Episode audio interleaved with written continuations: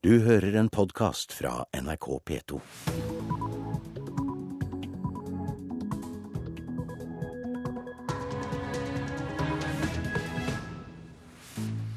Ja, da har vi kommet til mars måned, fredag 1. mars, og nå klokka 6.30 har vi disse overskriftene i Nyhetsmorgen. Nesten ingen klager på sykehjemstilbudet. Pasientombudet spør om folk er redde for å klage. Helseministeren vil tillate røyking av heroin. Støre ønsker å flytte misbruket bort fra sprøyter for å hindre overdosedødsfall. Kreftpasienter ber om at nye livsforlengende kreftmedisiner blir tatt i bruk. For Kjell Haugnes vil medisinen bety alt. Det er ikke så fort gjort. Det er politikk og sånn. Det tar litt tid. Så det er ganske tunge dager for å vente på noe som egentlig er så veldig innlysende.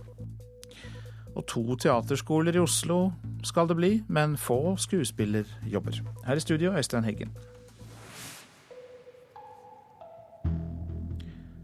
Svært få klager på sykehjemstilbudet, viser tall fra pasientombud og fylkesmenn.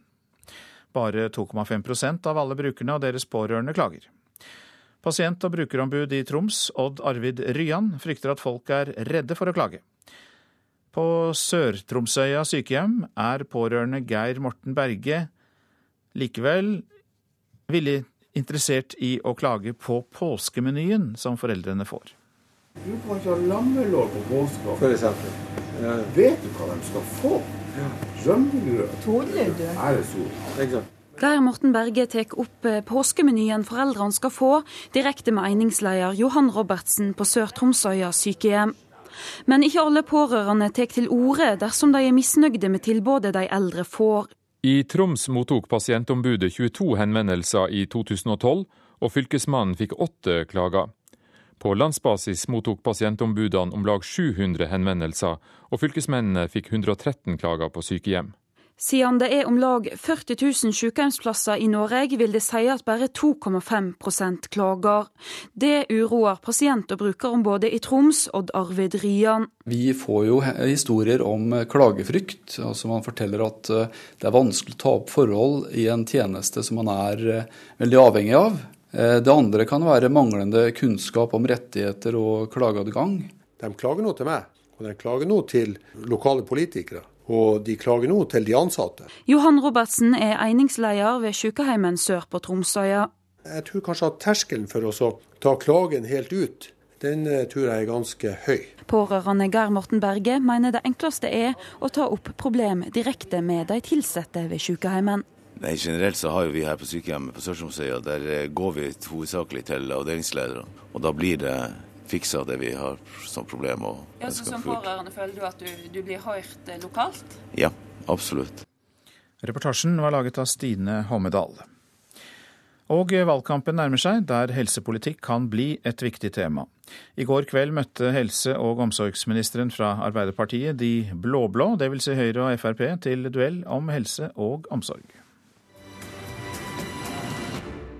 Erna Solberg og Siv Jensen sammen mot Jonas Gahr Støre i debatten på NRK i går kveld. Det Norge framover kommer til å ha som en, et stort fortrinn, er at vi har et sterkt offentlig helsevesen. Åpenbart ikke lenger vil stå i kø med en gang. Sånn og helsevalgkampen vil helseminister Støre vinne på denne måten. Ja, Vi får argumentere så godt vi kan, både for det vi har oppnådd, men fordi vi også har store ambisjoner om å videreutvikle, fornye, satse på nye behandlingsmåter, nytt utstyr, utdanne flere folk. Det er en stor agenda som jeg håper folk vil ha tillit til at Arbeiderpartiet har vist gjennom mange år. Men sånn skal Erna komme ham i forkjøpet. Det skal vi vinne med å snakke med pasientene, snakke med pårørende, snakke med folk om hvor viktig det er at vi får ned helsekøene, vi får større valgfrihet, og at pasientene får litt mer makt i helsevesenet. Høyre-leder Erna Solberg til slutt. Torkjell Trædal var reporter på Litteraturhuset i Oslo i går kveld. Helseminister Jonas Gahr Støre vil gjøre heroinrøyking lovlig. Det sier han i et intervju med gatemagasinet Er lik Oslo. Målet hans er å redusere antall overdosedødsfall blant sprøytenarkomane. Hvis Støre får det som han vil, kan det bety at det fra neste år blir mulig for heroinbrukere å røyke stoffet lovlig, skriver Dagsavisen. I et intervju med gatemagasinet Er lik Oslo sier helseministeren at han ønsker å avkriminalisere heroinrøyking for å få narkomane til å bytte ut sprøyter med røyk.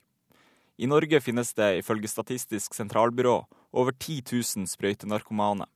De fleste av disse er heroinbrukere. I 2011 døde 294 personer av overdose i Norge. Ved å avkriminalisere heroinrøyking vil Støre fjerne Norge fra europatoppen i overdoser. Støre foreslår at det på sprøyterom, røykerom eller andre avtalte områder kan legges til rette for røyking i lovlige former. Sa reporter Steinar Rostad Brevik. Bernt Årdal, professor ved Institutt for samfunnsforskning, god morgen. God morgen.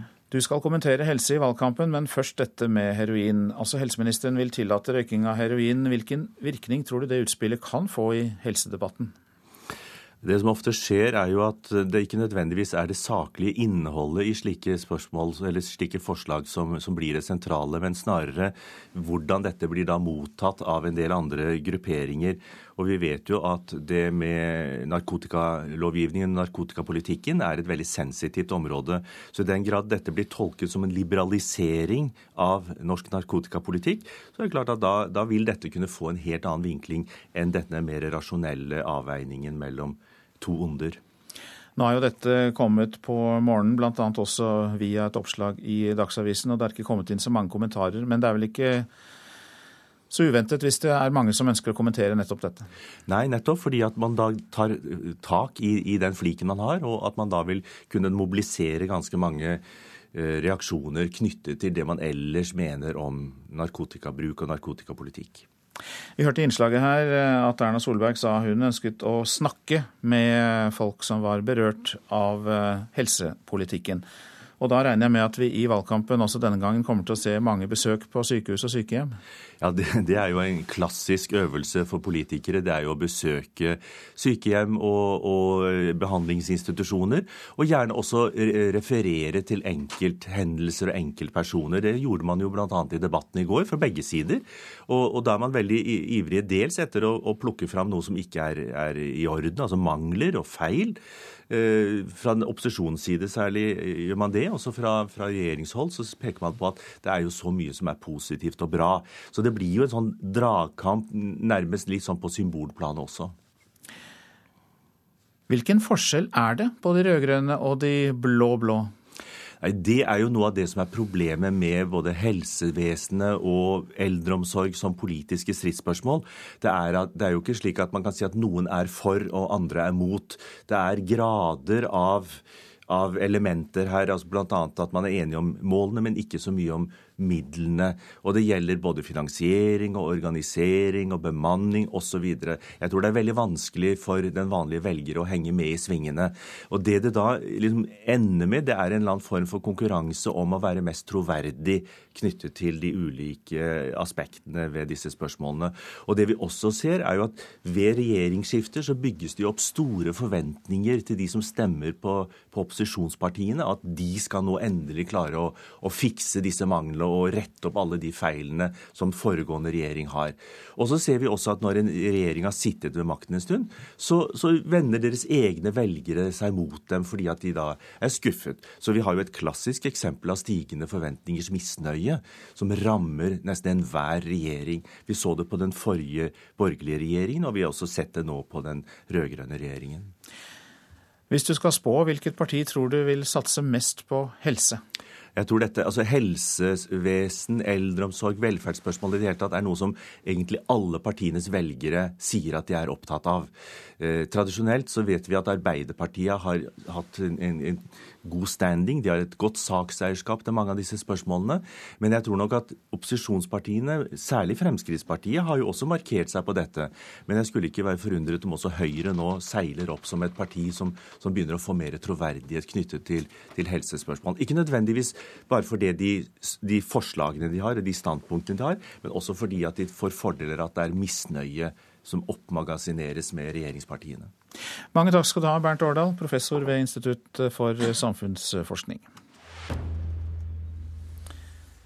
I dag åpner Europeisk Ungdom sitt landsmøte, og denne helgen er det feiring i fokus. Organisasjonen fyller nemlig 40 år, og leder i Europeisk Ungdom, Ninni Høver, du er i studio. God morgen til deg.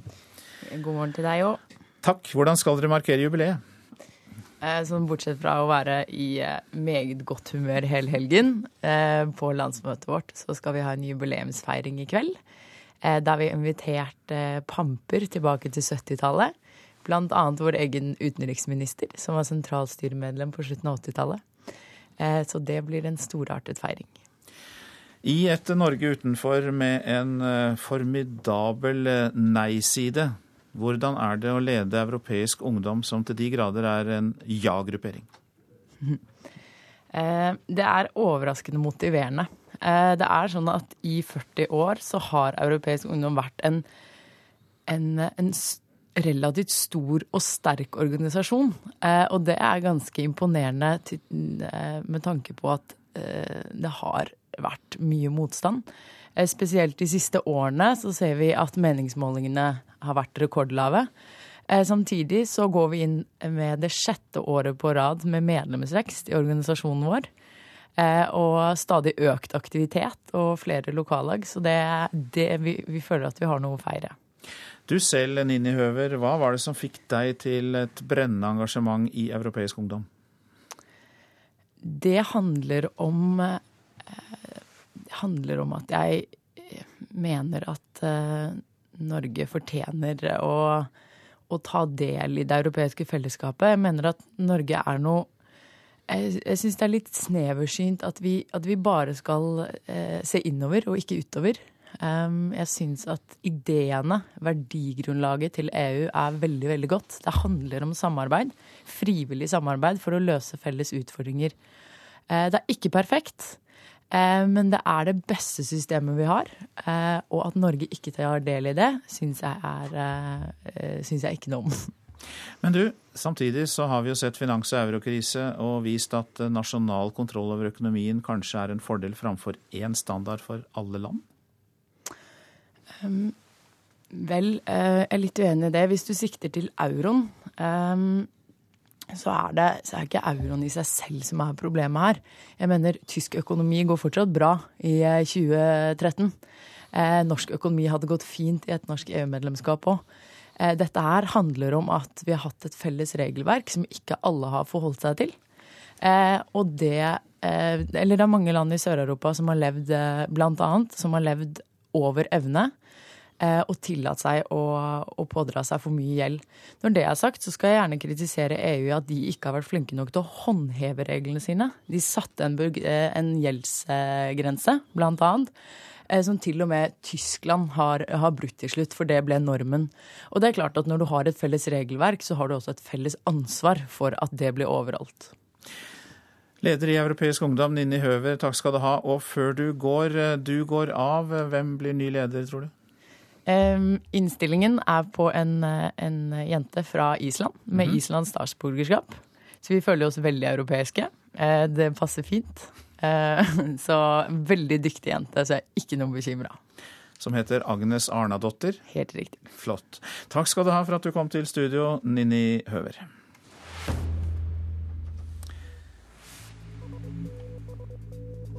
Så skal vi si litt om det avisene skriver om i dag. Én av to jenter stemmer ikke, skriver Aftenposten. 100 år siden kvinner fikk stemmerett, er det stadig færre kvinner mellom 18 og 21 år som bruker den. Joint Strike Fighter blir tyngre og tregere, er oppslaget i Klassekampen. Produsenten av Norges nye kampfly sliter med å nå kravene, og flyet kan bli mindre manøvrerbart enn forventet. Halve Norge frykter finanskrisen, kan vi lese i Nasjonen. 46% av oss frykter at krisen i Europa også kan ramme Norge, viser meningsmåling. 28 000 barn i kø, skriver Stavanger Aftenblad. I 2004 lovet de rød-grønne kulturskole til alle, men nå er køene lengre enn noen gang og plassene mye dyrere. Trondheim er en svevestøvversting, skriver Adresseavisen. Kommunen får kniven på strupen fra Klima- og forurensningsdirektoratet, som vil tvinge fram tiltak. Gjeninnføring av piggdekkavgift i Trondheim kan være aktuelt. Fylkeslegen skal undersøke kvinneklinikkens bruk av keisersnitt, skriver Bergens Tidende. Det skjer etter at leger nektet å ta keisersnitt, selv om et svangerskap var ti dager på overtid. Haukeland er det sykehuset i landet som utfører færrest keisersnitt. 100 nærradioer står i fare for å bli nedlagt, skriver Dagens Næringsliv. Nærradioene har ikke råd til digitalnett. Frøken Norge-modell lokket menn i sexfelle, er oppslaget i VG. Åtte ransofre forteller sin historie til avisa. Vet du hva du spiser, spør Dagbladet, som ber oss teste vår mat-IQ. Om vi egentlig vet hva slags usunn mat vi putter i munnen. Synes det stinker av bibelsk tørk, står det i Vårt Land. Toalettpapirprodusenten Lambi har bibelsitater på dorullene. Det har skapt reaksjoner. Dårlig smak og manglende respekt, sier biskop i Tunsberg, Laila Riksåsen Dahl.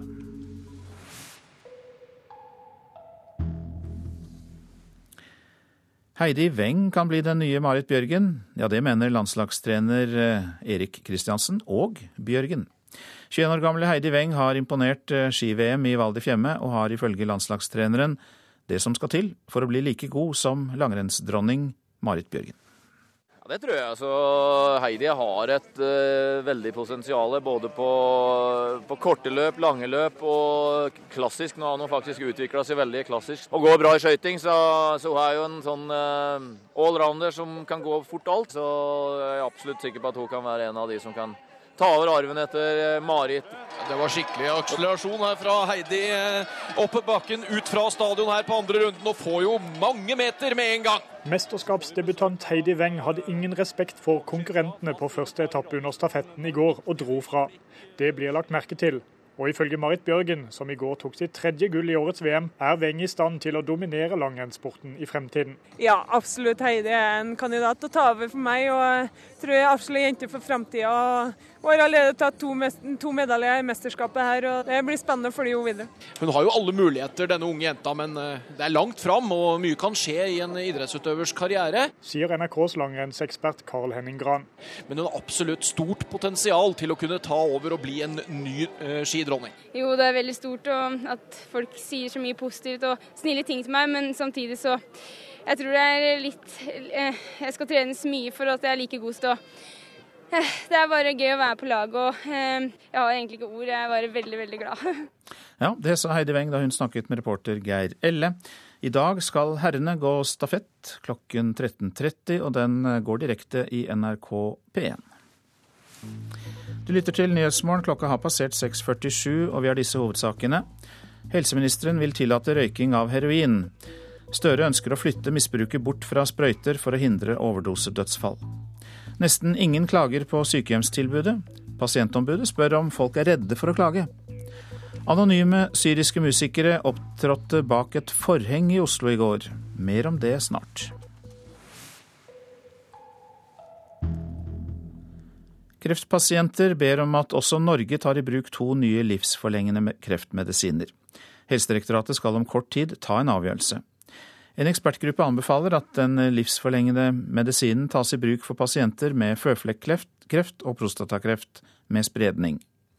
Kjell Haugnes fra Trondheim har føflekkreft, og sier den livsforlengende medisinen vil bety alt. Jeg har en sykdom, men jeg er ikke så veldig syk ennå. Hvis jeg blir slapp, så er det veldig mye dårligere prognoser for at den medisinen vil virke. Og da har jeg fått beskjed om det at sjøl om Norge er villig til å betale for det, så får ikke jeg den medisinen hvis jeg har blitt syk før den kommer. Så hver dag som går før eh, Helsedirektoratet bestemmer seg, er viktig for deg? Ja, hver eneste time er viktig. 51-åringen fra Trondheim fikk beskjed om at han har føflekkreft med spredning i fjor sommer.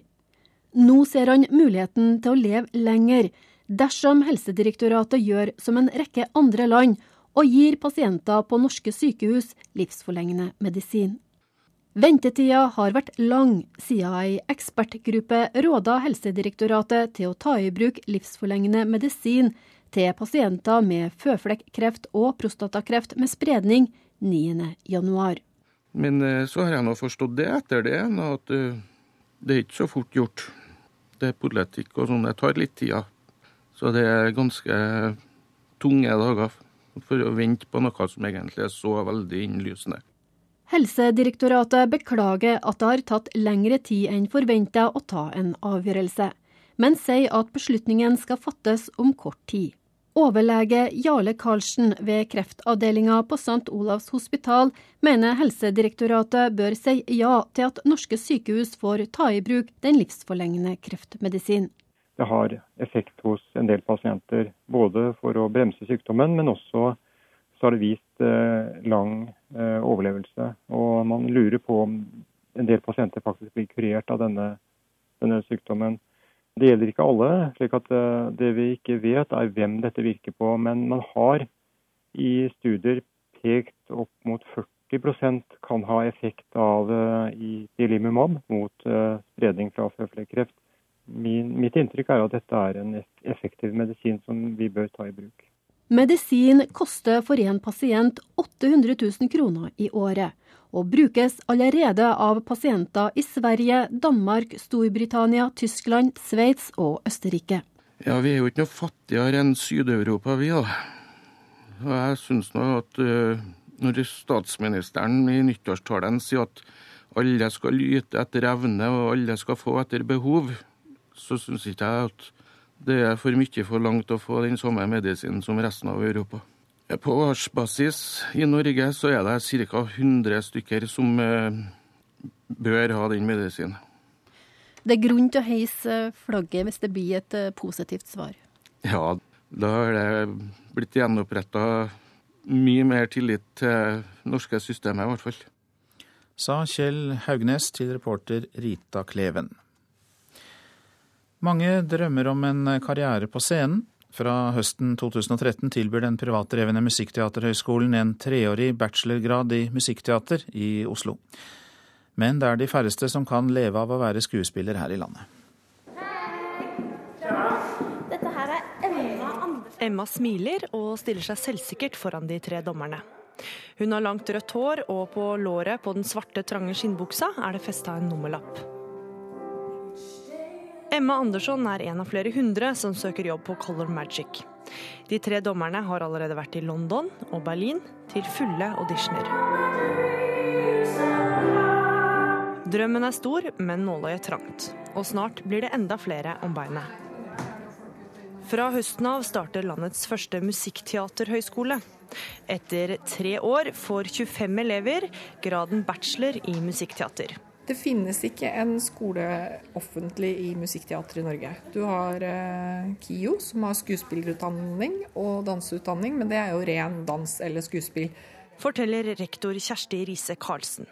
For i motsetning til fagskoler som Bordar og NIS får uteksaminerte ved Musikkteaterhøgskolen en akademisk grad.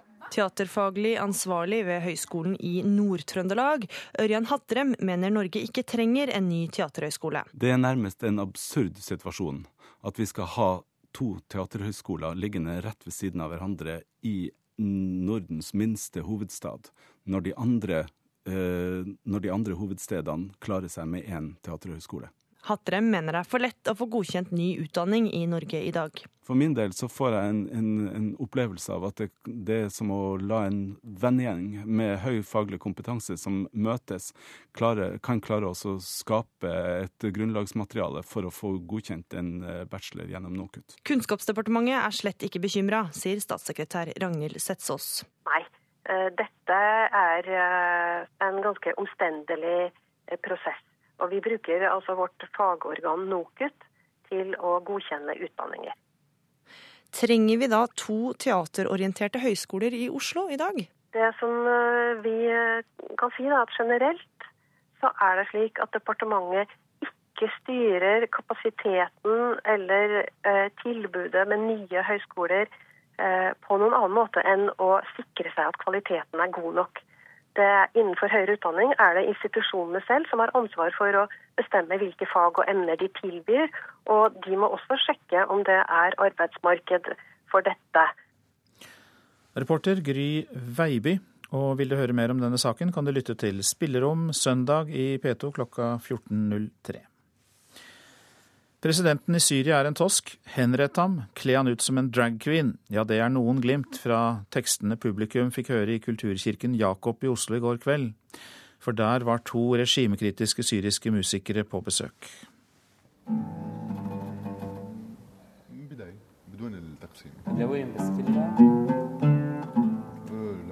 To syriske musikere forbereder seg til konsert i Kulturkirken Jakob i Oslo. De regimekritiske artistene fra Syria vil være anonyme. Derfor skal de opptre bak et stort, tynt forheng som henger fra taket i kirken.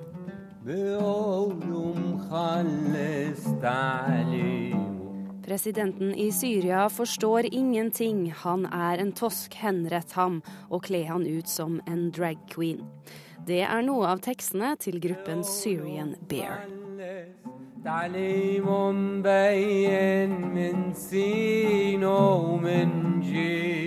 av musikerne forteller at han startet å skrive revolusjonære sanger da opptøyene startet i Syria. Selv bor han i Tyskland. They were first of all emotional, has social uh, uh, subjects or something like that. But we, after the revolution, we are not afraid anymore. Jeg har laget flere musikkvideoer som jeg legger ut på YouTube, slik at syrere kan se dem. Der er jeg anonymisert som tegneseriefigur eller bak store 3D-briller, sier han. There, there, are videos with cartoons. Sometimes we have uh, shown in our uh, in the last song we have shown our faces, but with with uh, 3D glasses and something like that.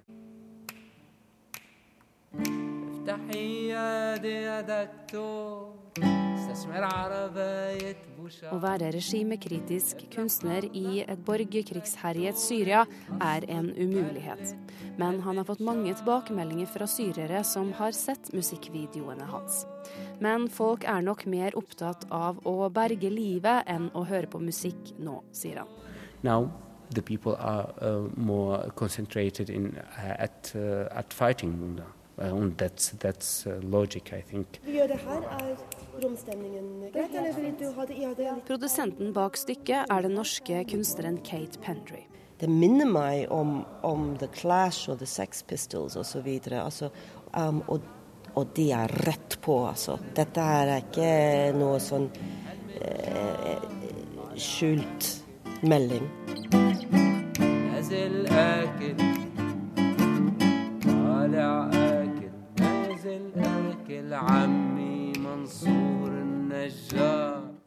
Reporter var Eirin Venås Sivertsen. Sånn nord om været fram til midnatt. Fjell i Sør-Norge. Nordvestlig sterk kuling. Sør for Finse oppholdsvær, ellers snøbyger. Fra i ettermiddag avtagende vind og nedbør. Østafjells på kysten vest for Lindesnes perioder med liten kuling. Enkelte snøbyger lengst i nord først på dagen. Ellers stort sett pent vær østafjells. I kveld blir det tilskyende igjen, først i nord. Rogaland får nordvestlig liten kuling, stiv kuling i sør. I kveld frisk bris, og det blir oppholdsvær i Rogaland. Hordaland utrygt for enkelte snø- og sluddbyger. I kveld blir det snø og sludd i nord. Sogn og Fjordane noen snø- og sluddbyger, til dels regnbyger på kysten. I kveld stiv kuling ved Stad, og det blir snø og sludd i kveld. Møre og Romsdal snø- og sluddbyger, til dels regnbyger på kysten. I kveld sørvestlig liten storm og snø og sludd. Trøndelag nordvestlig stiv kuling. I formiddag minker vinden. Snø- og sluddbyger, til dels regnbyger på kysten. I kveld sørvestlig liten kuling og snø og sludd. Nordland får nordlig liten kuling. Fra Støtt og sørover stiv kuling. I formiddag minker det til nordvestlig, seinere vestlig bris. Enkelte snøbyger i Nordland forbigående oppholdsvær midt på dagen. Troms stort sett opphold og til dels pent vær. Fra seint i ettermiddag sørvestlig liten kuling på kysten og enkelte snøbyger. Vest-Finnmark med vidda, enkelte snøbyger i ytre strøk, ellers til dels pent vær. Øst-Finnmark i øst liten kuling. Snøbyger mest i nordlige områder.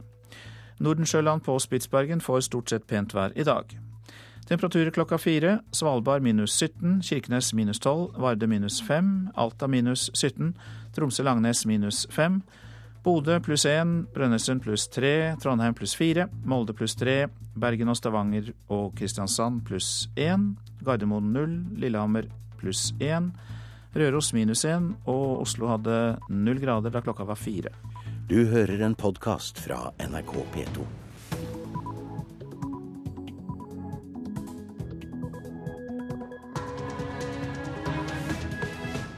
Klokka er sju. Dette er P2s Nyhetsmorgen, og vi har en nyhetsoppdatering. Helseminister Jonas Gahr Støre vil gjøre heroinrøyking lovlig, skriver tidsskriftet Er lik Oslo. Store norske bedrifter bør bli pålagt å redegjøre for samfunnsansvaret sitt i årsrapporten, mener flertallet i finanskomiteen på Stortinget. Det er en del risiko knyttet til miljø- og samfunnsansvar som vi mener at det er viktig at styret er opptatt av, og faktisk rapporterer til investorene hvordan de håndterer disse riskene. Leder for aksjeavdelingen i Folketrygdfondet, Nils Bastiansen. Mange studenter dropper tannlegen. Nå vil de ha billigere tannlegebehandling. Tannhelsetilbud for studenter bør være en del av det generelle offentlige helsetilbudet, sånn at studenten betaler en egenandel som man gjør av det som er en del av det vanlige helsetilbudet. Leder i Norsk studentorganisasjon, Øyvind Berdal. President Barack Obama gjør senere i dag et siste forsøk på å oppnå budsjettenighet med republikanerne. Tidsfristen rykker nå nærmere og nærmere, og kan ende med en mørbanket situasjon for Kongressen. Færre av oss går i kirken på søndager. Urovekkende og utfordrende, mener kirken. Heroinrøyking bør bli lovlig, ifølge helseminister Jonas Gahr Støre. Håpet er at flere tunge narkomane vil bytte ut heroinsprøyter med røyk. Ifølge Støre er en lovendring nødvendig for å få ned antall overdosedødsfall blant sprøytenarkomane. Det er kontroversielt, men kanskje har han ikke annet valg. Tallene på overdosedødsfall i Norge er for høye. Derfor sier helseminister Jonas Gahr Støre at han vil si ja til heroinrøyking i et intervju i Gateavisa Elik lik Oslo.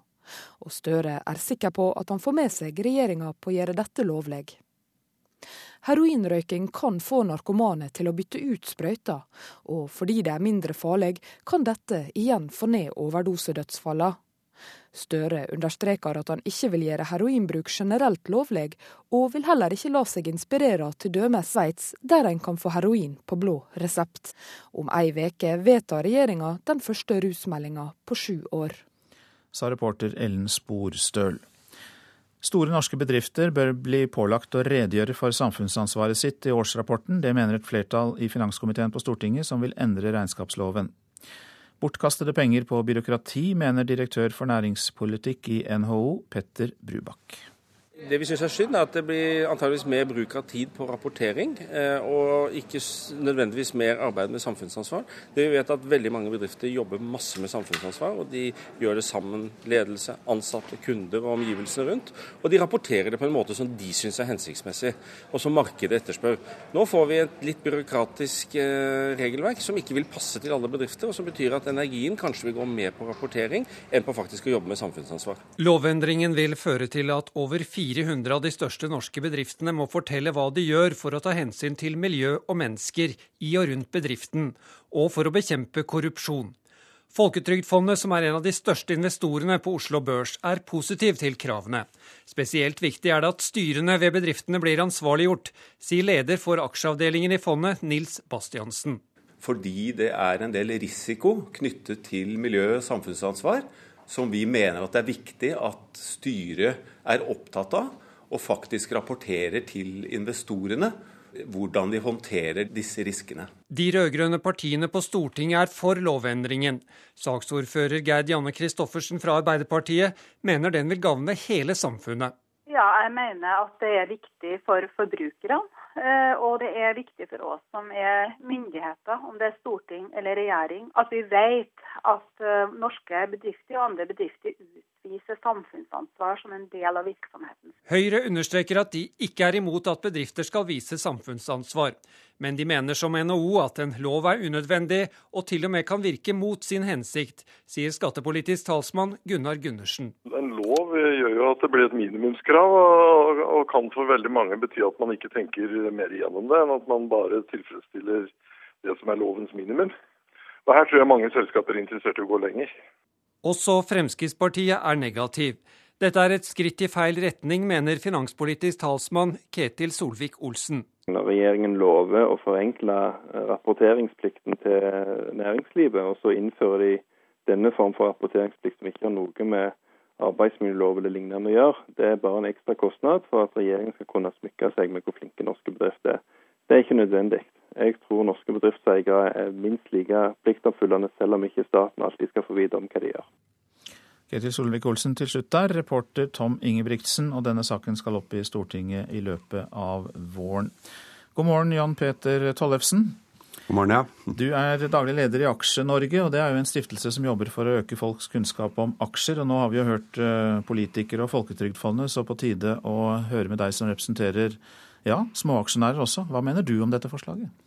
Nei, altså Forslaget i seg selv om at man skal ha en samfunnsansvarsrapportering, er jo viktig. Det er helt åpenbart. Eh, og du ser jo det at eh, en del av de store børsnoterte selskapene, som Statoil, Telenor, Hyde, Orkla, de har jo omfattende rapporteringer allerede. Så når jeg hører argumentasjonen her, så, så er det ja, det er, det er, riktig på begge sider for så vidt.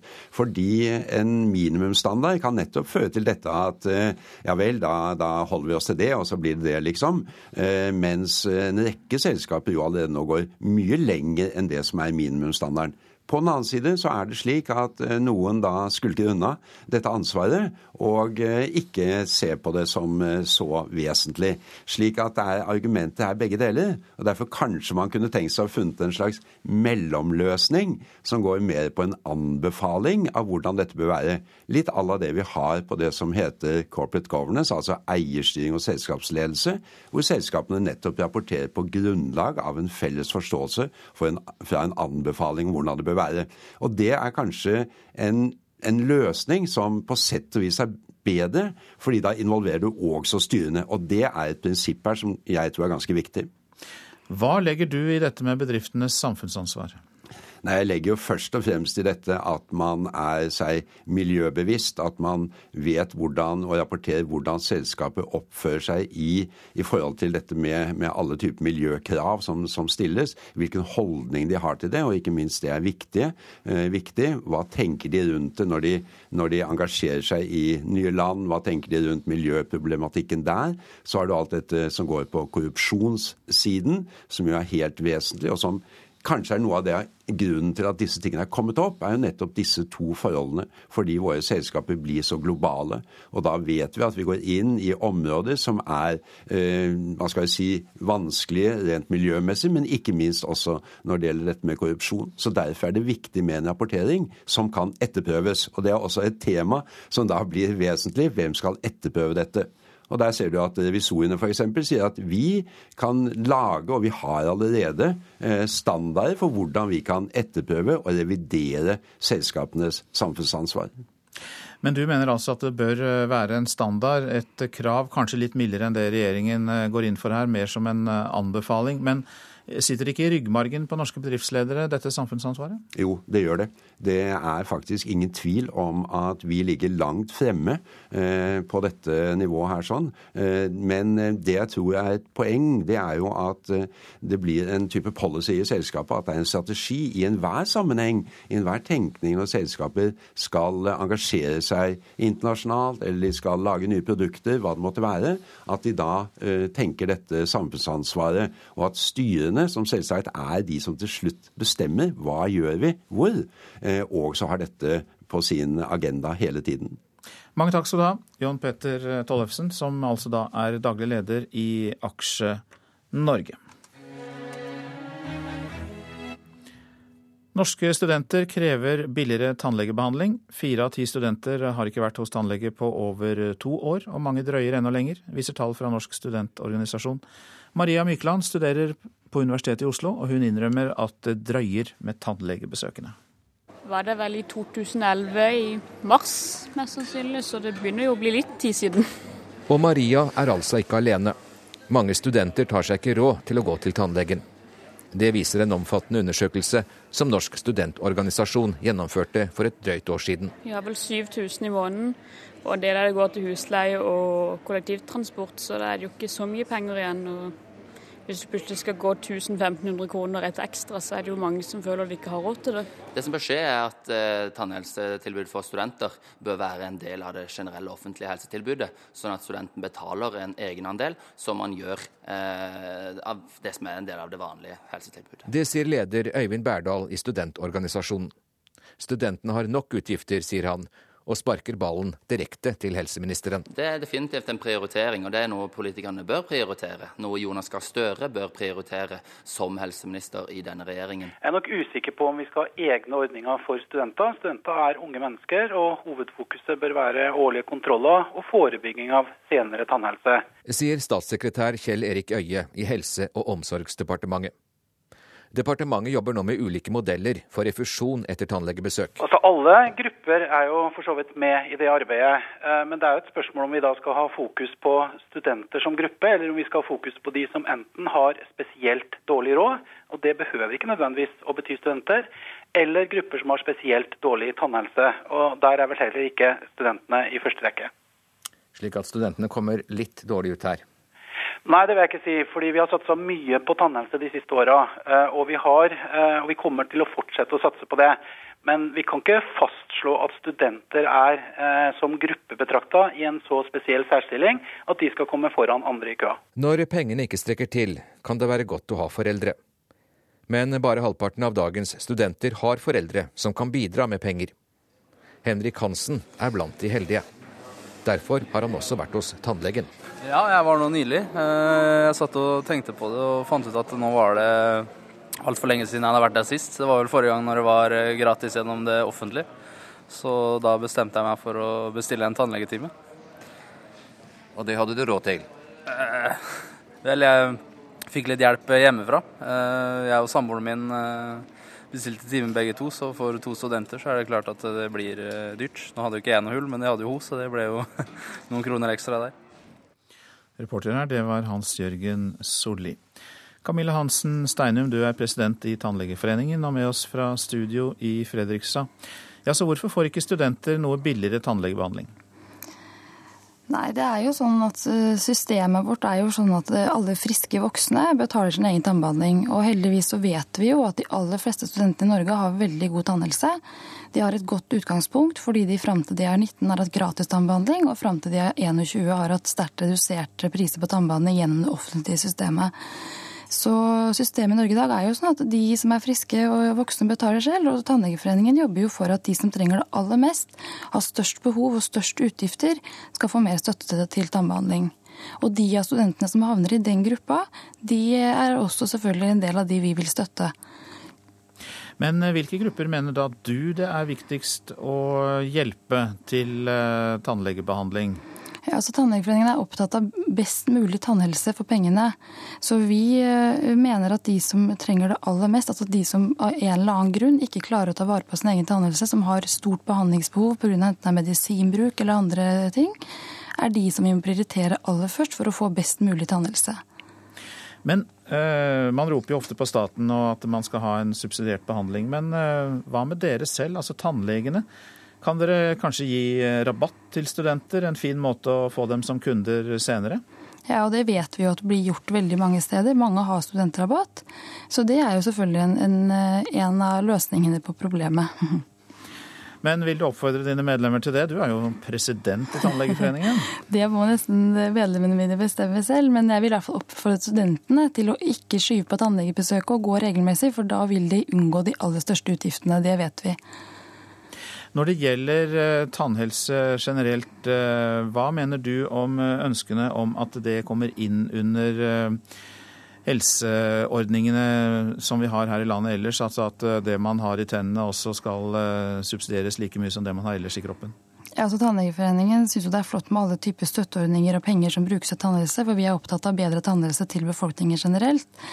Men nå er det jo sånn at vi må prioritere. Og, og, sånn som situasjonen er nå, så ønsker vi altså mer til de som trenger det mest, altså de svakeste gruppene i samfunnet. For vi vet jo heldigvis at tannhelsen i Norge er veldig god for de aller, aller fleste. Men vi må prioritere de som faller utenfor de støtteordningene vi har, og ikke klarer å ta vare på seg selv. Takk skal du ha, Camilla Hansen Steinum, som altså da er president i eh, Tannlegeforeningen. Dette er Nyhetsmorgen, og klokka den går mot kvart over sju, og vi har disse hovedsakene. Helseministeren vil tillate røyking av heroin, ønsker å flytte misbruket bort fra sprøyter for å hindre overdosedødsfall, skriver tidsskriftet Er lik Oslo. Regnskapsloven må endres, slik at norske bedrifter må redegjøre for samfunnsansvaret sitt, mener flertallet i finanskomiteen på Stortinget. Norske studenter krever billigere tannlegebehandling. Fire av ti studenter har ikke vært hos tannlege på over to år.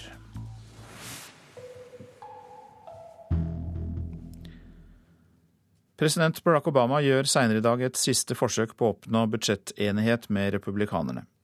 Dersom Kongressen ikke klarer å få til et budsjettkompromiss, vil automatiske kutt på nærmere 500 milliarder norske kroner skje fra midnatt. Titusener av offentlig ansatte vil da bli permittert. Klokka fire i ettermiddag norsk tid samler president Obama toppene i Kongressen til et møte i Det hvite hus her i Washington. Da vil USAs president gjøre et siste desperat forsøk på å unngå automatiske budsjettkutt på nærmere 500 milliarder norske kroner, som Kongressen selv har vedtatt for lenge siden som et slags ris bak speilet for seg selv. Tidsfristen rykker nå nærmere og nærmere, og kan ende med en mørbanket situasjon for Kongressen. Det er en dyp splittelse blant republikanere og demokrater. Mens timeglasset renner, synes situasjonen særdeles fastlåst, og det er ingen tegn til bevegelse for å unngå de automatiske kuttene. Speaker John Boehner er en av dem som møter Obama om noen få timer, men den republikanske topplederen viker ikke. Han avviser at det er behov for å tette skattehull eller endre avgiftssystemet for å skaffe staten mer inntekt. Vi har aldri hatt høyere skatteinntekt enn nå, sa Boehner i går kveld. This year, the federal government uh, will bring in revenue more money in from the taxpayers than any year in our history. John Boehner mener Obama og hans partifeller har et pengeproblem, fordi de bruker mer penger enn de har, ikke er villige til å stanse overforbruket og kutte for å spare penger. Debt uh, uh, result, believe. I think the spending problem that we have here in Washington is threatening the future for our kids and our grandkids, and frankly, threatening the American dream. Det er bare to måneder siden forrige økonomiske krise her i Washington. Da fikk Obama gjennom skatteskjerpelser for de aller rikeste. Nå sier republikanerne tvert nei til enhver ny skatte- eller avgiftsøkning. På et folkemøte denne uken slo Obama fast at de budsjettkuttene som kan bli iverksatt fra midnatt, ikke er verken smarte eller fornuftige, men vil kunne gi USA selvpåført økonomisk skade. So these cuts are wrong. They're not smart, they're not fair, Når Obama i ettermiddag norsk tid samler demokratiske og republikanske kongresstopper i Det hvite hus, er målet å unngå et budsjetthavari. Mislykkes han, vil amerikanere flest få det trangere økonomisk. 100 000 offentlig ansatte vil bli permittert, andre 40 000 lærere. Forsvaret rammes ekstra hardt og må bære halvparten av de automatiske budsjettkuttene. Jon Gelius, Washington. Økonomikommentator i NRK Steinar Mediås, noen trodde kanskje at krisen var over ved årsskiftet, men det er den jo da ikke. Og hvordan har denne situasjonen oppstått? Man ble sist gang enige om hva man skulle gjøre hvis man ikke ble enige. Og det er det som er i ferd med å skje nå. Man skal huske at den amerikanske gjelden er nå så omfattende at jeg tror de bruker snart halvparten av statsbudsjettet for å håndtere gammel gjeld. Så det, det, kan ikke fortsette å utvikle seg i den retningen at gjelden bare får lov til å hope seg opp. Så dette er, Man er nødt til å gjøre noe med situasjonen, men det er uklart hva man kommer til å gjøre akkurat nå. Men da er kanskje disse budsjettkuttene eneste løsningen, da? Ja, Budsjettkuttene er helt nødvendig fordi at Obama bygger opp en velferdsstat som det ikke er eh, skattegrunnlag for. Som det ble sagt i reportasjen her, han har økt skatten for de rikeste. Men det monner ikke. Man må ha skatt fra langt flere enn de aller rikeste i USA for å håndtere den velferdsstaten han nå bygger ut. Og eh, det gjør han altså ikke. Det, Financial Times skriver i dag at det ser ut som Obama bevisst har underbudsjettert, og at han nå eh, prøver å legge skylden over på republikanerne for den situasjonen som har oppstått. Hvis disse budsjettkuttene blir satt i verk, altså at man ikke finner noe kompromiss eh, noe seinere i dag, hva kommer da til å skje? Advarselen fra Det internasjonale pengefondet og fra mange steder i verden er jo da at den amerikanske økonomien krymper. altså Dvs. Si, når det offentlige forbruket synker, så synker, blir også økonomien i USA mindre. Arbeidsledigheten stiger. Men det som er vel så viktig for resten av verden, er jo altså at eh, etterspørselen fra USA, som er verdens største konsument, den blir mindre. Og det kommer til å få innvirkning langt utenfra, eh, utenfor amerikanske grenser. Så det er ringvirkninger i resten av verden. Men hvis vi tar det helt eh, konkret ned på, på grasrota i USA, hvilke personer kommer til å endre det, merke det først og fremst? Ja, De første som vil merke dette, er de som skal ta, altså komme med fly. Fordi de, altså halvparten av de som blir rammet av dette, er, er, jobber i Forsvaret. Men eh, flygeledere blir tatt ut, tollere blir tatt ut, sikkerhetsvalgvakter blir tatt ut. Så hvis man skulle komme i den situasjonen at man nå gjennomfører disse automatiske kuttene som man eh, truer med, så vil man merke det på flytrafikken umiddelbart. Andre grupper som eh, blir rammet? Ja, lærere er jo eh, altså, Dette er jo offentlig sektor som skal trimmes ned. Eh, den velferdsstaten man altså ikke har råd til, skal, skal trimmes. Og Det betyr mange lærere, store velferdsprogrammer, matprogrammer. Disse tingene som nå er bygget opp under Obamas regime, skal da trimmes. Og, og, og det kommer til å bli merket ganske ettertrykkelig. Men jeg tviler på at det er dette som skjer. Jeg, jeg vil anta at når han samler herrene rundt sitt bord i, i klokken fire fire norsk tid, som vi hørte i reportasjen, så kommer man sikkert til et eller annet som nærmer seg noe, en slags utsettelse. Men en utsettelse av dette problemet er ingen løsning på problemet. Fordi hver gang man utsetter en løsning på problemet, så blir problemet større. Det kommer kanskje til å skje noe sånn i firetida eller der omkring, men uh, det Det har skjedd før, og det skjer sikkert igjen. Men det er ikke nødvendigvis en løsning. Nettopp. Takk skal du ha, Steinar eh, Medios. Frankrikes president François Hollande er mer upopulær enn noen av sine forgjengere de siste 30 år, viser en ny meningsmåling. Ifølge målingen gjort fra avisa Le Figaro mener bare 30% av franskmennene at Hollande er rett mann i presidentstolen. Velgerne stiller bl.a. spørsmål ved Hollands eh, håndtering av den stadig mer pressede franske økonomien, som bl.a. har ført til den høyeste arbeidsledigheten på 15 år. Venezuelas president Hugo Chávez kjemper for livet. Det sa landets visepresident Nicolas Maduro til det statlige fjernsynet i går kveld. Chávez er innlagt på et militærsykehus i hovedstaden Caracas etter å ha vært til behandling på Cuba i drøyt to måneder. Presidenten har ikke snakket eller opptrådt offentlig siden han gjennomgikk sin fjerde kreftoperasjon på Cuba 11.12. i fjor. En video som viser hvordan en mann i Sør-Afrika blir slept etter en politibil gjennom gaten i byen Davidton, har sendt sjokkbølger gjennom Sør-Afrika. Mannen døde av skadene. Han ble hektet fast til politibilen med håndjern og deretter slept til politistasjonen. En obduksjon viser at dødsårsaken var hodeskader og indre blødninger. Spesialenheten for politisaker har begynt et drapsetterforskning mot politifolkene som var involvert. Så til eh, det avisene skriver i dag. Sier ja til heroin. Ja, det er Dagsavisens eh, oppslag om helseminister Jonas Gahr Støre, som det er basert på et intervju med gatemagasinet Er lik Oslo. Støre ønsker å stagge overdosedødsfallene og legalisere røyking av heroin for å flytte misbruket bort fra livsfarlige sprøyter. Én av to jenter stemmer ikke, skriver Aftenposten. 100 år siden kvinner fikk stemmerett, er det stadig færre kvinner mellom 18 og 21 år som bruker den. Joint Strike Fighter blir tyngre og treigere, er oppslaget i Klassekampen. Produsenten av Norges nye kampfly sliter med å nå kravene, og flyet kan bli mindre manøvrerbart enn forventet.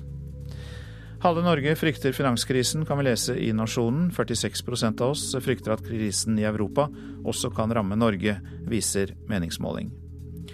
28 000 barn i kø, skriver Stavanger Aftenblad. I 2004 lovet de rød-grønne kulturskole til alle, men nå er køene lenger enn noen gang, og plassene er blitt mye dyrere. Trondheim er en svevestøvversting, skriver Adresseavisen. Kommunen får kniven på strupen fra Klima- og forurensningsdirektoratet, som vil tvinge fram tiltak. Gjeninnføring av piggdekkavgift kan bli aktuelt. Fylkeslegen skal undersøke kvinneklinikkens bruk av keisersnitt, skriver Bergens Tidende. Det skjer etter at leger nektet å ta keisersnitt, selv om et svangerskap var, var ti dager på overtid. Haukeland er det sykehuset i landet som utfører færrest keisersnitt. 100 nærradioer står i fare for å bli nedlagt, skriver Dagens Næringsliv. Nærradioene har ikke råd til digitalnett. Frøken Norge-modell lokket menn i sexfelle, er oppslaget i VG. Åtte ransofre forteller sin historie til avisa. Vet du hva du spiser, spør Dagbladet på sin forside, og ber oss teste vår mat-IQ, om vi egentlig vet hva slags usunn mat vi putter i munnen. Synes det stinker av bibelsk tørk, står det i Vårt Land. Toalettpapirprodusenten Lambi har bibelsitater på dorullene. Det har skapt reaksjoner. Dårlig smak og manglende respekt, sier biskop i Tunsberg, Laila Riksåsen Dahl.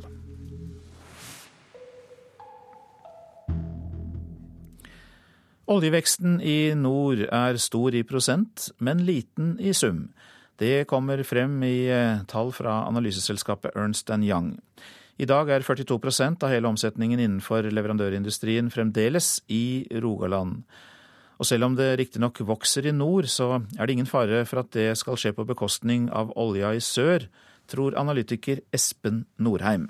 Det er en formidabel vekst i prosent, men nord eh, oljeserviceaktiviteten er fremdeles en eh, veldig liten andel av det totale i Norge, som gjør at, eh, at eh, vekst i Rogaland er jo mye større enn det den er i nord, selv om det prosentvis ikke ser sånn ut.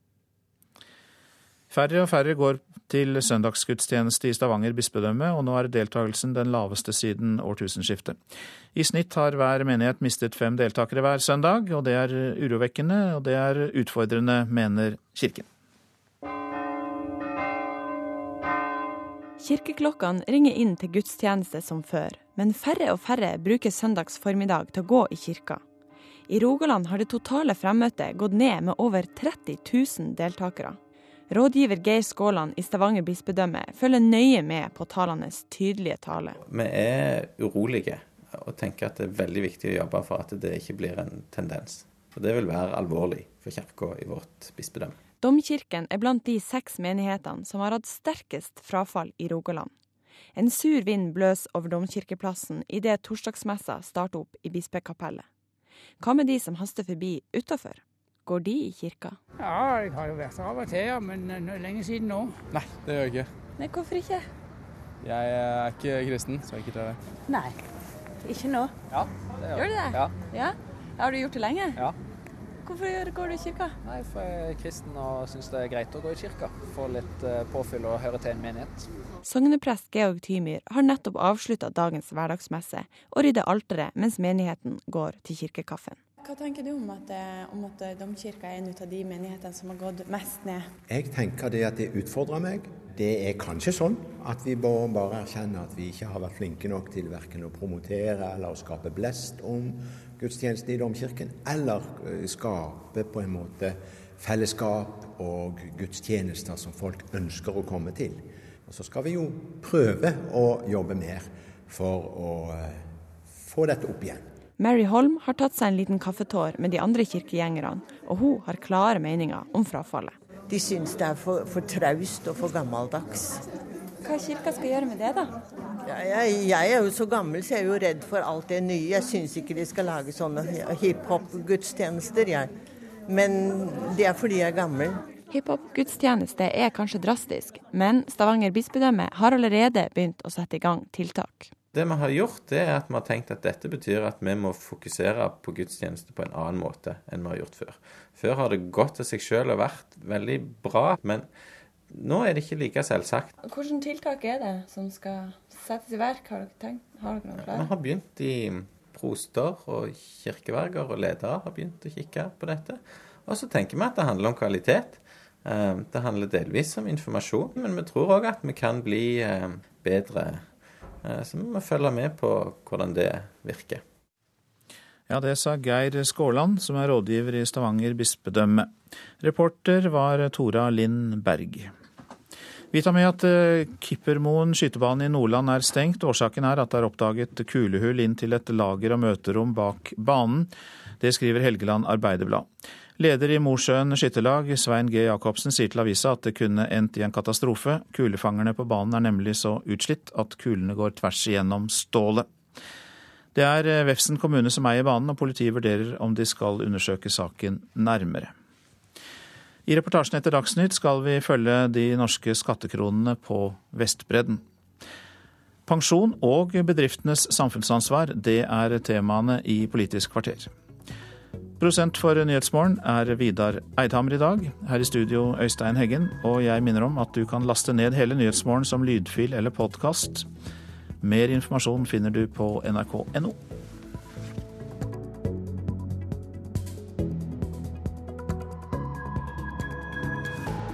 Du hører en podkast fra NRK P2.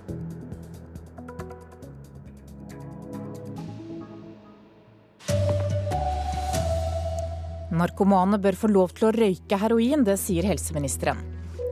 I dag er det siste frist for politikerne i USA til å bli enige om budsjettet. Norske studenter har ikke råd til å gå til tannlegen, nå krever de billigere behandling. Her er NRK Dagsnytt, klokka er 7.30. Helseminister Jonas Gahr Støre sier altså ja til å gjøre røyking av heroin lovlig. Det sier han i et intervju med gatemagasinet Er lik Oslo. Og helseminister Jonas Gahr Støre, hvorfor vil du at narkomane skal få lov til å røyke heroin? Det er helt avgjørende at vi tar grep for å få ned overdosedødsfallene. En viktig grunn til dem er eh, bruk av sprøyter. Så Der de i dag uh, bruker sprøyter, sprøyterom andre kontrollerte steder, så mener jeg det bør kunne åpnes for å røyke heroin uh, i former uh, for de som er misbrukere. De har altfor høye overdosetall. Det kommer altfor mye sykdom med sprøytebruk. og Derfor så mener jeg at vi bør grundig utrede dette, slik at det kan bli ett av flere tiltak mot overdoser. Men hvordan skal du få sprøytemisbrukere til å gå over til å røyke stoffet i stedet? En del gjør det allerede. De har altså lavere forbruk eh, av heroin enn de som bruker sprøyte. Og jeg tror vi må rett og slett ha en type informasjon til disse menneskene som ikke leser aviser sånn som deg og meg, for å eh, informere om at det er en sikrere måte. Jeg vil jo veldig sterkt si i forhold til oppslagene som nå er, at jeg åpner jo ikke for at dette skal bli lovlig for deg og meg og andre. Det er fortsatt forbudt med heroin, men vi har altså sprøyterom som tar sikte på at du kan sette sprøyte på en sikrere måte, tar den erkjennelsen. Eh, og da er det langt bedre om det skjer eh, via røyking, og det mener da loven bør legge til rette for. Du mener at kommunene må ta et ansvar for å legge til rette her, på hvilken måte? Ja, Nå må vi som sagt gå gjennom en grundig lovutredning osv. Og, så og det er jo kommunene som i dag organiserer bl.a. sprøyterom, og som er helt sentrale i å kjenne forholdene lokalt. Så de må, de må, sterkt inn i bildet. En av grunnene til at jeg har gått inn i dette ganske grundig, er at Oslo kommune har eh, søkt om det, eller tatt det opp med Helsedepartementet. Oslo har mange av disse problemene. og som sagt, Ett av tiltakene kan være dette. Jeg tror også på at det med å ha overdoseteam ute i gatene, slik som bl.a. Trondheim har, er et annet viktig tiltak mot, uh, mot overdoser. Men som sagt, dette med røyking av heroin i kontrollerte former på røykerom eller andre tilrettelagte steder, det mener jeg noe vi må se grundig på. Foreningen for human narkotikapolitikk, der er leder Arild Knutsen svært fornøyd med at helseministeren vil gjøre det lovlig å røyke heroin. Dette vil få store ringvirkninger i narkotikamiljøet, mener Knutsen. Det er all grunn til å tro at vi får en markant nedgang i antall overdoser hvis vi får inspirert mange nok heroinbrukere til å gå fra sprøyter til røyking. Helseministerens forslag er kontroversielt, men kanskje har ikke Norge annet valg. Tallene på overdosedødsfall her til lands er for høye.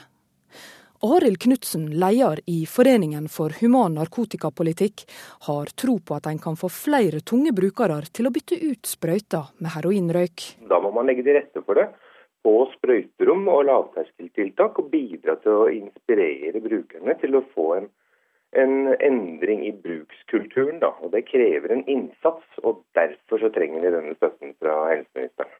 Men om å lovliggjøre heroinrøyk er et steg i riktig retning, ønsker Knutsen seg flere tiltak for de narkomane. Ikke minst å slutte å kriminalisere brukerne, fordi eh, også de som røyker heroin vil jo bli kriminalisert. Men forhåpentligvis vil det blitt lagt eh, til rette for denne bruksmåten på tiltakene. da. Reporter var Ellen Sporstøl, og vi hørte altså at Foreningen for human narkotikapolitikk er positiv. Men Jonas Gahr Støre, hvis du gjør det lovlig å røyke heroin, er ikke du da med på å bidra til å gjøre det lovlig å kjøpe og selge narkotika? Nei, vi må klare den, eh, det, det, skillet der. Arild Knutsen er en klok mann. Det er en jeg har lyttet mye til, eh, bl.a. i denne saken. Eh, men vi åpner ikke for legalisering. Vi åpner ikke for endring i det at det er et forbud mot heroin. Men vi har altså lenge tatt inn over oss realiteten at en del mennesker er i den ulykkelige situasjonen at de er avhengig av det. Vi har lagt til rette for at det er sprøyterom for at det skal være en sikrere måte å, å redusere Eh, ulykker fra det. og Da tror jeg vi kan gå ett skritt videre. Når vi vet at dette med røyking både kan få forbruket ned, eh, kan gjøre det mindre farlig, eh, og kan også være et kraftig signal om at det kan være en, en vei bort fra dette helt ulykkelige og uverdige forholdet vi har med de høye overdosetallene i Norge. Helt kort til slutt, er det full enighet om dette i regjeringen? Ja, dette har jeg regjeringen med på. Og jeg tror faktisk ikke at det kommer til å være så kontroversielt i det politiske miljøet. Fordi vi alle er opptatt av å gjøre noe med overdosetilfellene. Vi må Eh, se realiteten i dette. Eh, vi må gå ut i byene og ut der hvor dette skjer og se hvor stor elendighet dette, dette er. Og så må vi være villige til å tenke nytt på noen områder. Og som sagt, dette skal være under kontrollerte former. Eh, det er ikke snakk om et, eh, et annet signal enn det, men jeg tror det er viktig, og jeg tror det er på tide å gjøre det. Takk skal du ha, Jonas Gahr Støre. Store norske bedrifter bør bli pålagt å fortelle hva de gjør for å ta ansvar for miljøet og for menneskene rundt seg. Det mener et flertall i finanskomiteen på Stortinget. Dette er bortkasta penger, det mener direktør for næringspolitikk i NHO, Petter Brubakk. Veldig mange bedrifter jobber masse med samfunnsansvar, og de gjør det sammen, ledelse, ansatte, kunder og omgivelsene rundt. Og de rapporterer det på en måte som de syns er hensiktsmessig, og som markedet etterspør. Nå får vi et litt byråkratisk eh, regelverk som ikke vil passe til alle bedrifter, og som betyr at energien kanskje vil gå mer på rapportering enn på faktisk å jobbe med samfunnsansvar. Lovendringen vil føre til at over 400 av de største norske bedriftene må fortelle hva de gjør for å ta hensyn til miljø og mennesker i og rundt bedriften, og for å bekjempe korrupsjon. Folketrygdfondet, som er en av de største investorene på Oslo Børs, er positiv til kravene. Spesielt viktig er det at styrene ved bedriftene blir ansvarliggjort, sier leder for aksjeavdelingen i fondet, Nils Bastiansen. Fordi det er en del risiko knyttet til miljø- og samfunnsansvar, som vi mener at det er viktig at styret er opptatt av, og faktisk rapporterer til investorene hvordan de håndterer disse riskene. De rød-grønne partiene på Stortinget er for lovendringen. Saksordfører Gerd Janne Christoffersen fra Arbeiderpartiet mener den vil gagne hele samfunnet. Ja, jeg mener at det er viktig for forbrukerne.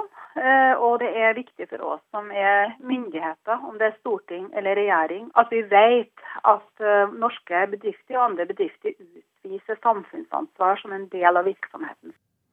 Reporter, det var Tom Ingebrigtsen.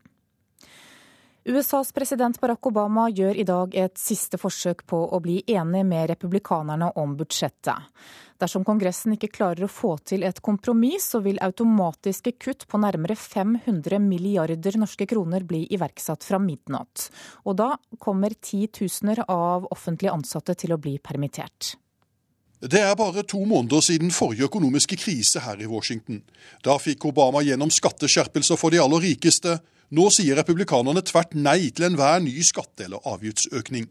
Når Obama i ettermiddag norsk tid samler demokratiske og republikanske kongresstopper i Det hvite hus, er målet å unngå et budsjetthavari.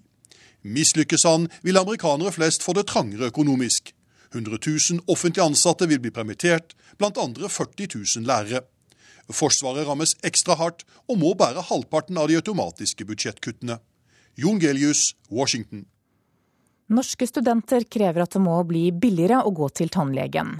Nesten halvparten av studentene har ikke vært hos tannlegen på over to år fordi de syns det er for dyrt, viser tall fra Norsk studentorganisasjon. Student Maria Mykland innrømmer at hun drøyer med å gå til tannlegen. Var det vel i 2011 i mars, mest sannsynlig, så det begynner jo å bli litt tid siden. Og Maria er altså ikke alene. Mange studenter tar seg ikke råd til å gå til tannlegen. Det viser en omfattende undersøkelse som Norsk studentorganisasjon gjennomførte for et drøyt år siden. Det som bør skje er at eh, Tannhelsetilbud for studenter bør være en del av det generelle offentlige helsetilbudet, sånn at studenten betaler en egenandel som man gjør eh, av det som er en del av det vanlige helsetilbudet. Det sier leder Øyvind Berdal i studentorganisasjonen. Studentene har nok utgifter, sier han, og sparker ballen direkte til helseministeren. Det er definitivt en prioritering, og det er noe politikerne bør prioritere. Noe Jonas Gahr Støre bør prioritere. Jeg er nok usikker på om vi skal ha egne ordninger for studenter. Sier statssekretær Kjell Erik Øie i Helse- og omsorgsdepartementet. Departementet jobber nå med ulike modeller for refusjon etter tannlegebesøk. Vi kan ikke fastslå at studenter er eh, som gruppe betrakta i en så spesiell særstilling at de skal komme foran andre i køa. Reporter her var Hans Jørgen Solli.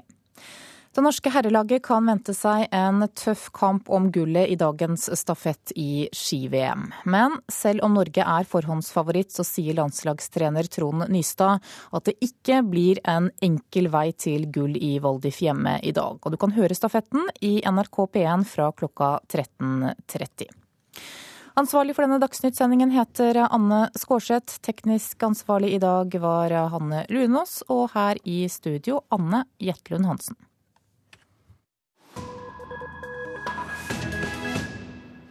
Du lytter til P2s Nyhetsmorgen. I år er det 20 år siden det historiske gjennombruddet mellom israelere og palestinere som førte til Oslo-avtalen. Siden da har Norge brukt mer enn 10 milliarder skattekroner på palestinerne. Men hva har pengene gått til? Sissel Wold har sett på hva de norske skattekronene brukes til nå.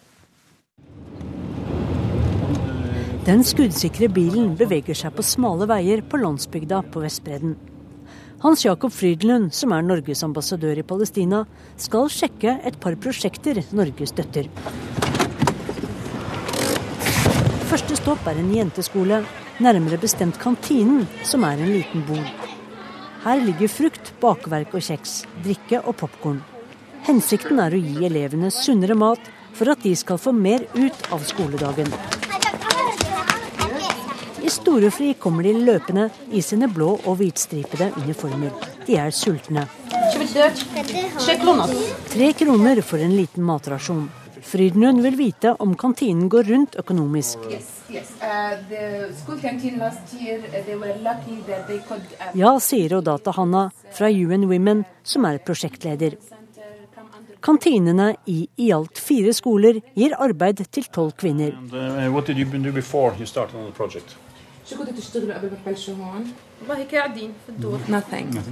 Før gjorde jeg ingenting, men nå har jeg jobb og egen inntekt. Og til og med mannen min er stolt av at jeg jobber nå, sier Maimuna. Jeg greier å finansiere studier med denne kantinejobben, sier Elhan, som studerer statsvitenskap. Norge bruker mye penger på palestinske skolebygg og utdanning også i samarbeid med Finland, Irland og Tyskland. I vårt tilfelle ca. 50 millioner kroner i året. Brukes til uh, utbygging av skoler, uh, rehabilitering av klasserom, utdanning av lærere og videreutdanning av lærere. Og vi bruker det til uh, utstyr, til naturfag, kjemi, biologi, computere for den sakens skyld. Det har vi drevet med nå i borti 20 år sier Stein Torgersbråten fra Norges representasjonskontor i Palestina. De siste sju årene har Norge gitt gjennomsnittlig 640 millioner kroner årlig til palestinerne. En stor del er budsjettstøtte til de palestinske selvstyremyndighetene, som brukes til å lønne offentlige ansatte som jobber i skoler, universitet, i helsesektoren og i administrasjonen. I de mange palestinske flyktningleirene drives skolene av FN. Norge, som andre vestlige land, sponser undervisning om menneskerettigheter og betaler også for vaksinasjonsprogram, tannlege og helsesjekker for palestinske flyktningbarn. Å bygge domstoler og rådhus er en del av det å bygge grunnmuren for en palestinsk stat. Vi er i det palestinske kunstakademiet like ved Ramallah. Noen studenter jobber med en video som harselerer over ledere som tar med seg effekter opp på FNs talerstol.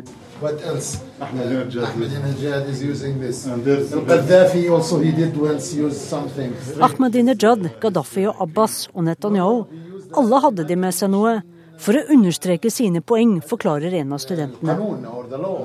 Bygger man en stat, er nasjonal identitet, også gjennom kunstnerisk uttrykk, viktig, er ideen her. Og Derfor støttet Norge oppbyggingen av Kunstakademiet, som åpnet i 2006. Og Khrusjtsjov hadde med seg en sko, minner ambassadør Frydenlund om. Dette er Nyhetsmorgen, og vi har disse hovedsakene. Helseministeren vil tillate røyking av heroin, ønsker å flytte misbruket bort fra sprøyter for å hindre overdosedødsfall, skriver tidsskriftet Er lik Oslo. Regnskapsloven må endres, slik at norske bedrifter må redegjøre for samfunnsansvaret sitt, mener flertallet i finanskomiteen på Stortinget. Bortkastede penger på byråkrati, mener NHO. Norske studenter krever billigere tannlegebehandling. Fire av ti studenter har ikke vært hos tannlegen på over to år. Det er klart for Politisk kvarter. Programleder Bjørn Bø og eh, pensjonsspørsmål skaper rusk i arbeidslivet.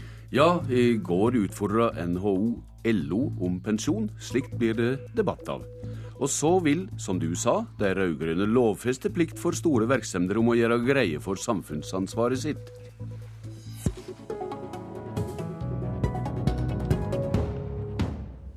I går avviste representantskapen i Næringslivets hovedorganisasjon LOs ønske om allmenn tariffesting av pensjon i privat sektor.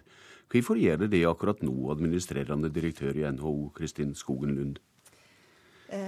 Det er fordi vi eh, er i en situasjon eh, i Norge hvor vi har en eh, lønnskostnad som er 60% høyere enn de vi konkurrerer med ute i Europa.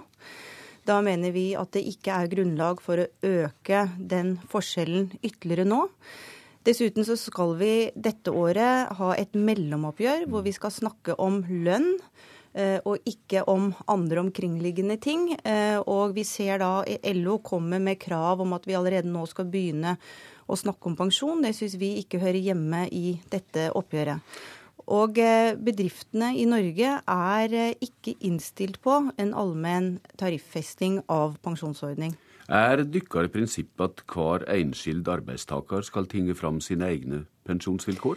Nei, men Nå er det en lang tradisjon i arbeidslivet for at man har lokale forhandlinger og tilpasser ordningene til den enkelte bedrift. Det langt store flertallet av norske tariffestede bedrifter er, har lokal forhandlingsrett, og det er slik vi praktiserer det i dag. Og vi ser ingen grunn til å innføre et mer rigid system enn det vi har. Nestleder i LO, Tor Arne Solbakken. Hvordan reagerer du på at NHO sier nubbe nei til allmenn tariffest pensjon? Nei, Det er jo ikke så veldig overraskende. Det har de jo eh, gjort lenge. Og de eh, sa jo også nei til at eh, vi skulle få en obligatorisk tjenestepensjon her i landet. Og resultatet av det var jo at Stortinget innførte det via lov. Og det var jo også under en borgerlig regjering. Så NHO er ganske alene om sitt litt sære standpunkt her. Og det er jo også sånn ellers i Norden at vi har disse breie pensjonsordningene. Og vi har også registrert at eh, politikere fra så å si alle partier har vært ute og sagt at vi må ha et tjenestepensjonssystem i Norge der det er like vilkår og like pensjoner for kvinner og menn. Den eneste måten å få til det på, er breie ordninger som dekker større områder. Sånn som folketrygden, sånn som kommunenes landspensjonskasse, sånn som Statens pensjonskasse og sånn som AFP. Ja, altså Du sier at NHO har et sært standpunkt her, men eh, Skogen Lund grunngjev da standpunktet? Ja, det For det første så syns jeg det er veldig rart at de klarer å hisse opp over at vi ønsker å, eh, å, prate om pensjon i dette oppgjøret. Vi er fullstendig klar over at eh, denne gangen skal vi bli enige om lønnstillegg basert på noen kriterier.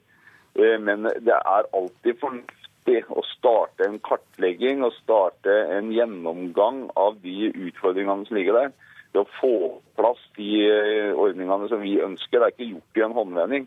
Og Hvis NHO ønsker å begynne med det midt i neste år, så er det klart at det da legger de opp til et vanskelig løp som eh, antagelig bare har én utgang. Og, eh, og, er, og hva, hva, utgang er det? Nei, Du klarer ikke det på tre uker, og da er det konflikt. Sånn at NHO styrer mot en gedigen konflikt i 2014. Mm sånn som de prater i dag. Men jeg har jo tro på at eh, når dette roer seg, vi får eh, kommet gjennom mellomoppgjøret, så vil det gå an å snakke litt fornuft på Majorstua òg. Og eh, som Yngve Haagensen sa en gang, når vi banker på døra der oppe, så pleier de å lukke opp. Og det tror jeg kommer til å skje denne gangen òg. Skogen Lund, eh, det forskutterer nærmest en konflikt med LO. Vi hørte Solbakken her riktignok på en dårlig telefonlinje, men du skjønte hva han sa? Ja da. Eh, vi ønsker eh, selvfølgelig ingen konflikt i arbeidslivet. Det gjør man aldri. Og det som er helt sikkert, er at vi er veldig godt forberedt rundt spørsmålet om pensjon. Så dette er ikke noe vi skal begynne å tenke på i mars neste år. Dette er noe vi har tenkt på veldig lenge allerede. Men vi er altså veldig tydelige på at vi ikke ønsker denne tariffestingen. Og da blir det også veldig feil å begynne å gå inn på samtaler som har ambisjon om det nå. Det vil altså ikke snakke om dette i samband med mellomoppgjøret nå, slik som LO og Solbakken vil? Det er riktig. Hører du det, Tor Arne Solbakken? Hvordan vil det verke inn på lønnsoppgjøret i vår, da? Der det altså, som du sa, har snakka om mer håndfast oppfylling av pensjon, for å sitere fra dykka representantskap? Nei, Vi kommer til å snakke om pensjon. og Jeg tipper at eh, Skogen Lund kommer til å, eh, til å, høre på det vi sier. Så eh, får vi se hvordan det, materialiserer seg. Men vi er fullstendig klar over, og vi har ingen ambisjoner om å gjøre noe konkret i forhold til å få på plass noen pensjonsordninger i år. Først må Finansdepartementet få på plass de nye ordningene som de jobber med. Og så må vi utføre de på en fornuftig måte, og da gjør vi det kollektivt. Det er sånn at Hvis vi skal bruke modellen til eh, NHO, så vil en bokhandler med fire Mm. kvinnelige ansatte måtte betale betraktelig mer eller få en dårligere pensjon. enn bilverksted tvers over gata med fire mannlige ansatte som er like gamle. Er Og sånn er det ingen, ingen som vil ha det, og det vil ikke NHO. Da må de ta i bruk de virkemidlene som ligger der. Og Det er en fordel for begge parter. og Det er ikke noen rigide ordninger. Det er de billigste og enkleste ordningene vi kan få til. Se på AFP, den billigste og beste pensjonsordningen i kongeriket Norge. Er det skuggeboksing for å hisse opp LO det driver med Skogen Lund? Nei, overhodet ikke. Og det blir jo helt feil å, å si at uh, altså, vi er f.eks. ikke for kjønnsforskjeller på pensjon, vi heller. Men man trenger da ikke en allmenn tariffesting for å sørge for at ikke det blir det. Så eh, vi er ikke ute etter å hisse på oss noen. Vi er ikke spesielt hissige selv heller. Vi har ikke for vane å være det. Og vi skal eh, behandle dette spørsmålet på en ordentlig og skikkelig måte, men det hører altså ikke hjemme i det mellomoppgjøret vi nå er på vei inn i. Når vi tar omsyn til eh, det som er av arbeidsplasser rundt omkring i Norge, Solbakken, eh, hvor smidig kan NHO vente at LO til slutt blir for å berge nettopp arbeidsplasser? Nei, Vi eh, møter aldri opp i forhandlinger for å, som Kjell Bjørndalen pleide å si, forhandle noen ut porten. sånn at vi skal få på plass fornuftige lønnsoppgjør. Både i eh, 2013 og i eh, 2014. Og kommer NHO i møte når det gjelder pensjon også, kanskje? Da må vel NHO komme oss i møte, og det tenker jeg at de gjør enklere på et mindre rom enn på, eh, på radioen. Så det skal vi nok eh, bruke litt tid på å finne ut av. Nå sier du Skogen Lund at jeg ikke vil snakke om dette i mellomoppgjøret i vår. Det kan vel hende, slik Solbakken er inne på, at du må gi deg på det? Eh, nei, for det har jeg ikke mandat til, rett og slett, i forhold til hva mitt, eller vårt representantskap har vedtatt. Så det, det har jeg ikke anledning til. Hører du det, Solbakken? Ja, men du vet at eh, det er sånn hvert år det at hvis du legger uttalelsene fra LO og eh, NHOs representantskap ved siden av hverandre og sier at vi bare skal gjøre det som står i begge uttalelsene, så hadde det blitt mye konflikt her i landet. Sånn at eh, begge parter har eh, tradisjoner for å komme fram til eh, fornuftige løsninger. Ja, sier du, nå at det er bare, sier du nå at det er bare tull det som står i fråsegnene fra representantskapene i LO og NHO? Nei, det sier jeg ikke. Det gir rammene for forhandlinger, men vi skal forhandle. Og det betyr at eh, vi gjør noe mer enn å sende brev til hverandre. Vi snakker sammen og finner løsninger innenfor de rammene som eh, ligger der. Og vi er kjenner hvilke forutsetninger som ligger på dette oppgjøret. Vi skal gjøre en avtale om lønn. Men det vi sier at det er lurt å begynne å snakke om pensjon, for det skal vi gjøre en avtale om neste år. Og nå for, eh, for tredje gang, Skogen Lund, det er altså ikke lurt i år? Nei, vi mener at det blir feil å blande inn det nå. Men eh, jeg håper at eh, LO og vi skal finne fram til et fornuftig oppgjør på lønnssiden i år, og nå konsentrerer vi oss om det. Takk til dykk i denne omgangen.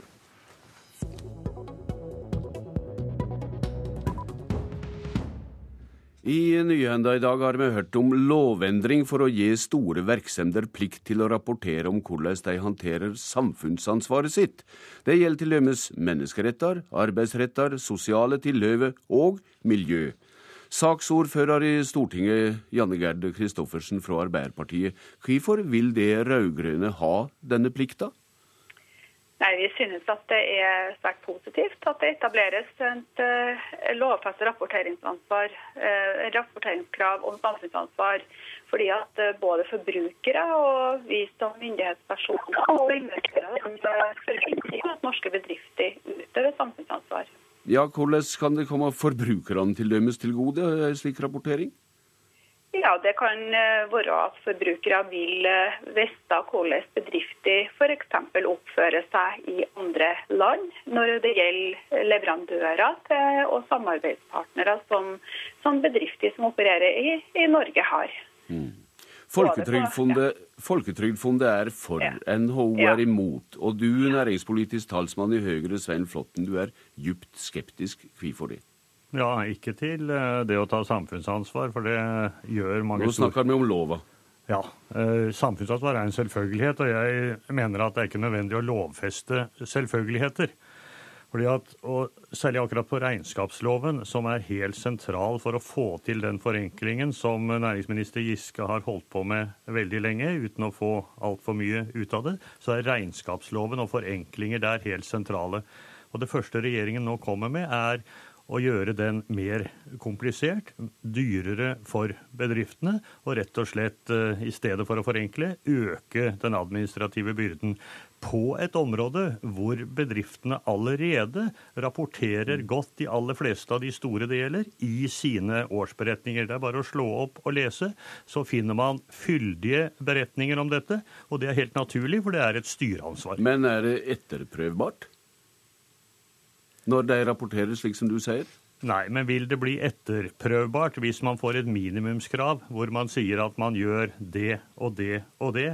Jeg vil heller at, eh, at i stedet for at bedriftene skal eh, fortelle om hva de gjør, så ønsker jeg at de gjør det. Dette vil uansett ikke bli etterprøvbart, men markedet og kundene kommer til å etterprøve det, og den som ikke tar samfunnsansvar og forteller hva man gjør, og gjør det, vil være ute av et moderne marked. Eh, Janne Gerd Kristoffersen, hva tenker du om å gjennomføre en slik lov med den motstanden du hører?